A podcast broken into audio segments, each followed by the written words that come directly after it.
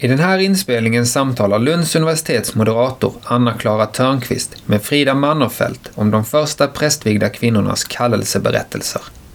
Varmt välkomna till Lunds universitets monter här på Bokmässan där det händer väldigt mycket roliga saker. Man kan se programmet här, nu är vi på näst sista punkten.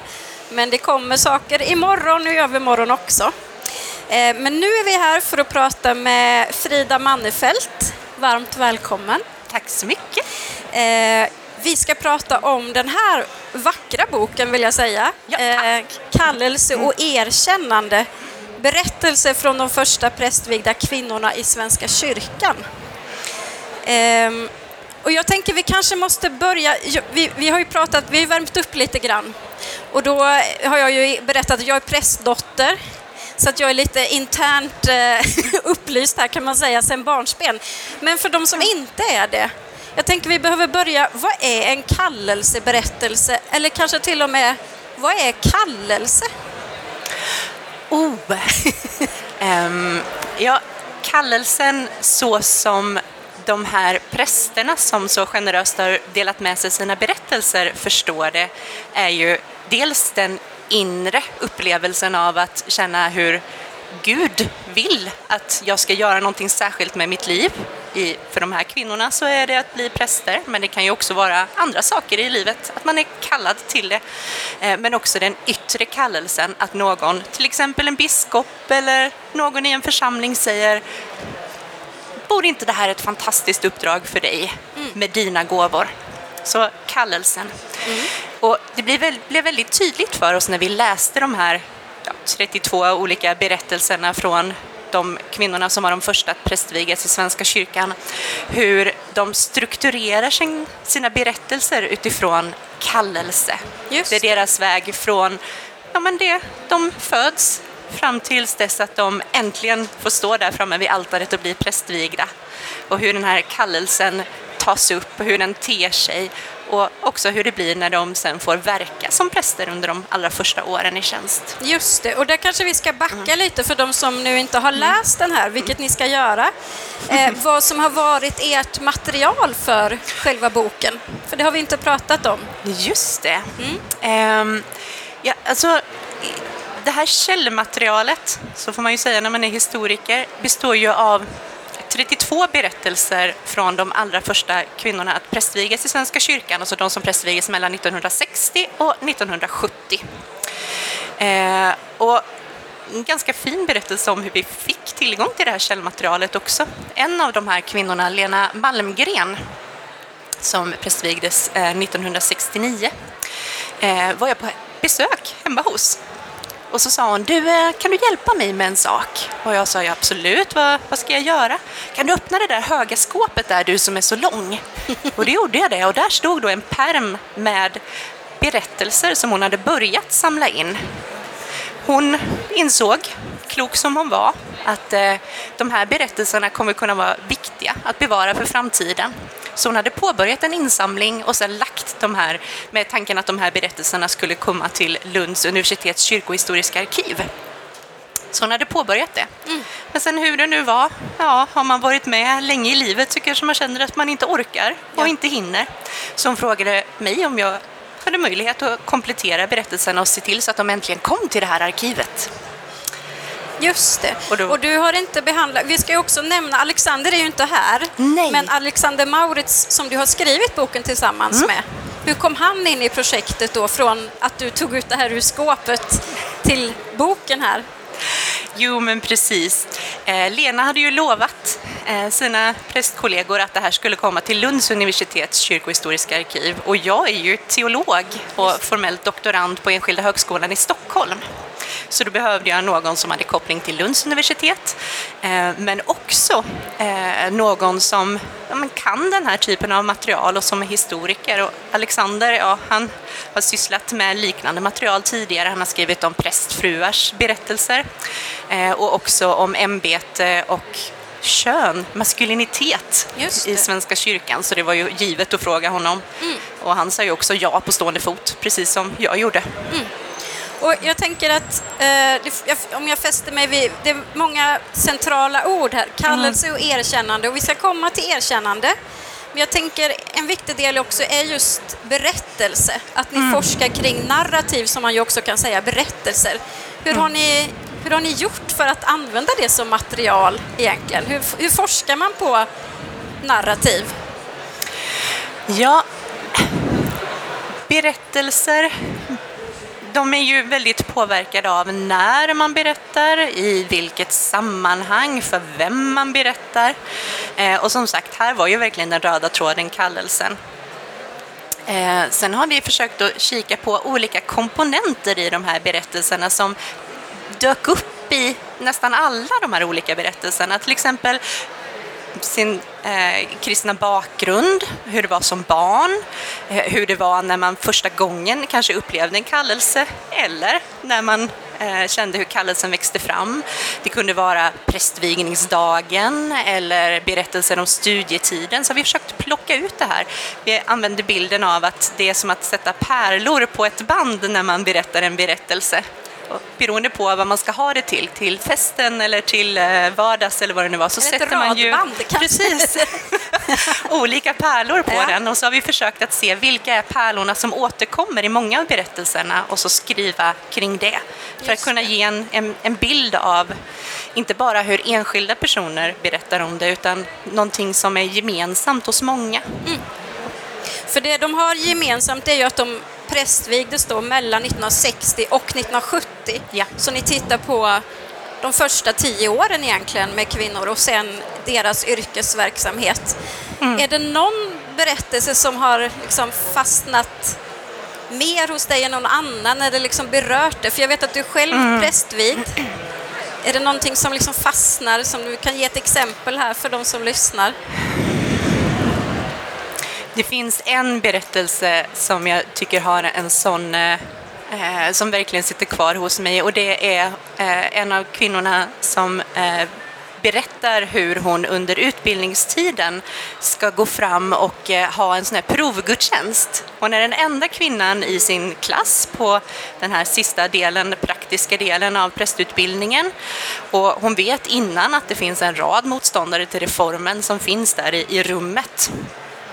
Eh, och hon eh, berättar hur hon är nervös inför det här för att eh, alla, flera av hennes klasskamrater säger att ja, nu, ska, nu ska det komma in en kvinna här och, och på något sätt kontaminera utrymmet vid altaret. Och hon berättar hur hon är så nervös när hon går fram eh, och hur hon ropar ut som man gör i en avningsgudstjänst. där Herren vare med er. Och ingen svarar. Det är bara knäpptyst från resten av klassen. Men i den här utsatta situationen så berättar hon också om hur hon plötsligt bara känner en enorm glädje. Att jag är på rätt plats. Mm. hon är, säger hon, som fisken i sitt rätta vatten. Mm. Så lycklig över att kunna få stå där. Mm. Det är en av de där berättelserna som jag tycker är så fantastisk. Ja. Och, den speglar också lite av det vi har försökt att göra. För det blir ju gärna så när man ska skriva om ämbetsreformen i Svenska kyrkan att, att människor säger ja men då är det väl ändå en massa, massa motstånd och hemska berättelser. Mm. Och ja, det finns berättelser om motstånd, mm. men där finns också framför allt skulle jag säga berättelsen om den här enorma glädjen mm. av att få leva i sin kallelse, få leva ut den eh, och tjänstgöra i den kyrkan som man faktiskt älskar. Absolut, det finns väldigt mm. många sådana vittnesbörd egentligen i den här mm. boken. Men jag tänker, eh, det kallelse och erkännande. Och erkännande har ju med något med motstånd att göra kan man säga. Mm. Vi ändå ska dröja lite. Ja, ni har lite bildmaterial i er bok. Ja. Jag tänkte, nu sitter alla så nära här så att, vill du berätta om, om jag visar upp, vill du berätta om den bilden? Ja, Vad det är men för någonting? precis. Det här är en väldigt känd bild från en kyrkoherdeinstallation i slutet av 70-talet. Det här är ju då lite efter eh, i Göteborg, där vi befinner oss nu. Eh, där eh, den dåvarande biskopen i Göteborg som är motståndare till reformen ska komma och välkomna en ny kyrkoherde in i församlingen. Men för att eh, biskopen ska kunna medverka så kan då den kvinnliga prästen som också tjänstgör i församlingen inte vara med utan hon får sitta eh, som notarie den dagen. Eh, och man kan se här hur hon liksom får sitta kvar i, i kyrkbänken medan alla de andra är framme med biskopen och som lägger händerna då på kyrkoherden och ber för honom.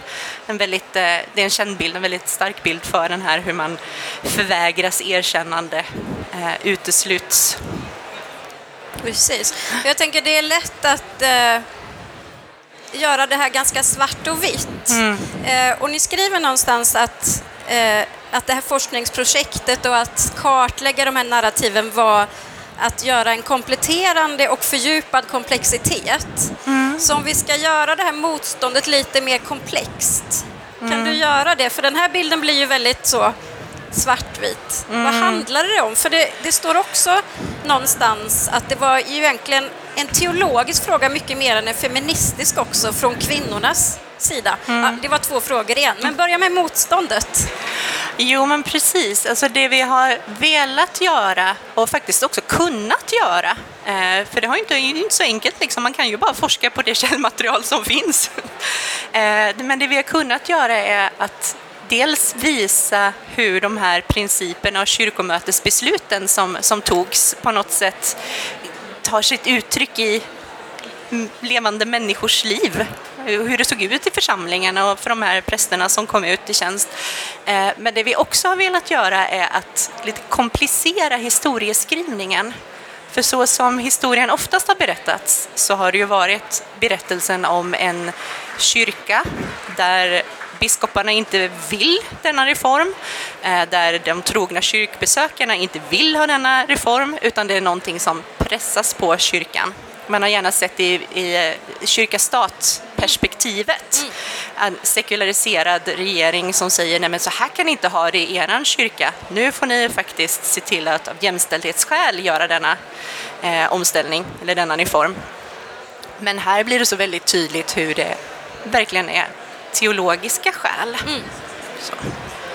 Så att vara kvinnoprästmotståndare, som nästan i vissa kretsar är som ett nedsättande ord, det finns många komplexa ställningar liksom och tankar där. Och det finns, fanns väl också de som kunde existera i något gemensamt samförstånd om de olika ståndpunkterna. Jo, men precis. Eh, och det blir också väldigt tydligt i de här berättelserna hur det inte är så svartvitt, varken när man ser på hela eh, den övergripande berättelsen om det här beslutet i Svenska kyrkan, eller hur det faktiskt gick till i verkligheten. Naturligtvis finns berättelserna där de kvinnornas kallelse inte erkändes, där de hamnade utanför. Men det fanns också goda exempel på hur man hittade sätt att samverka, att finnas i samma församling tillsammans. Ehm, också försonas kring en hel del frågor. Och naturligtvis också kan man se berättelser om hur det inte riktigt var så att det var det trogna kyrkfolket som var motståndare till reformen utan det finns troget kyrkfolk som också välkomnade den här förändringen. Ja, precis. Jag tänkte bara dröja kvar vid den här, som jag tycker var intressant, att det är främst en teologisk fråga och inte en feministisk. För det här är ju mellan 1960 och 1970 med kvinnorörelsen och kvinnokampen, så det är lätt att tänka sig att och det, det är väl den andas, tidens andas barn. Men varför gör, man, varför gör ni den diskrepansen? Och, och de som berättar gör också den skillnaden. Just det. Eh, ja, alltså vi, vi skriver ju inte att det inte är Nej. på grund av kvinnorörelsen, Nej. för att naturligtvis är ju det en del av komponenterna också. Men det är inte den enda förklaringen, Nej. utan det finns ju också eh, goda förklaringar. Och man kan se väldigt tydligt i källmaterialet hur det här återkommer. Det är viktigt för de första prästvigda kvinnorna att få säga att det här är verkligen av teologiska skäl, inte av jämställdhetsskäl. Just för att de befinner sig i det här övergripande narrativet om att nej, vet du vad, det här är bara någonting som eh, staten har tvingat på kyrkan. Det är bara av jämställdhetsskäl och inte av riktiga teologiska skäl som vi som är motståndare till reformen har. Och naturligtvis så blir det också viktigt att lyfta fram, jo men naturligtvis jättegoda teologiska skäl för Ja. detta. Och det gör frågan mycket mer komplex, tänker jag, än att Ja. vara en kvinnlig läkare eller när kvinnor ville Mm. komma till läraryrket och så vidare. Att det finns den här teologiska överbyggnaden och övertygelsen hos många. Det pratade ju vi också om lite Mm. Ja. här innan, hur, hur stark en sån övertygelse kan vara. Man kanske har levt med det ett helt liv Mm. och så kastas allting om. Eh, vi ska alldeles strax börja runda av, men jag tänker det är ju väldigt spännande att du själv är prästvigd och verksam, varit verksam som präst och är väl i viss mån också. Vad har det här betytt för dig som kvinnlig präst idag?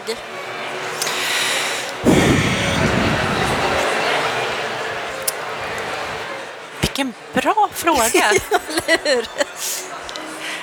um, så för mig har det handlat om att få syn på den kyrkan som jag verkar i idag vad det finns för historiska trådar. Ibland så kan man ju komma in i ett rum och känna att här pågår det någonting. Eh, här finns det människor som av någon outgrundlig anledning har en konflikt eller nu säger jag visst något som är känsligt eller vad är nu detta? Och det här blev ett sätt att, att få syn på en av de sakerna som faktiskt fortfarande i Svenska kyrkan idag ligger och skaver lite grann, i, mer eller mindre uttalat. Jag har ju till exempel också eh, i samband med eh, de samtal som har varit kring eh, eh, prästers, om präster ska viga samkönade par mm. eller ej. Ja. har, ju, har man ofta refererat till, ja men tänk om det nu blir som det var då en gång mm. eh, på 60 och 70-talen, eh, eller med den här samvetsklausulen, eller drar vi isär vår kyrka? Så det finns liksom intressanta drag. Precis. Eh, sen naturligtvis för mig personligen så är det ju fantastiskt att ja. få läsa personliga berättelser av kollegor som har gått före och gjort att när jag fick kallelsen en gång så var det bara att säga ja men det är väl klart. Mm. Precis, och det, mm. det är berättelser om de som har gått före. Ja. Och jag tänker det är så väldigt fint, jag, kan, jag ska inte läsa hela citatet, men som litteraturvetare då och mm. verksam på Författarskolan så uppskattar jag att ni har ju citat före varje mm. kapitel och några är skönlitterära. Och ni ja. har ett från Margaret Atwood där hon pratar om vad som är en historia mm. och att det bara är fragment och bitar från början. Mm. Eh, och det är bara efteråt som det överhuvudtaget börjar likna en historia. Då när man berättar den för sig själv eller för någon annan, skriver hon. Och det är vi väldigt tacksamma för, att ni har berättat den här. Några har berättat det för er och ni berättar det för oss. Så stort tack för det arbetet. Tack för samtalet. Tack så mycket. Tack.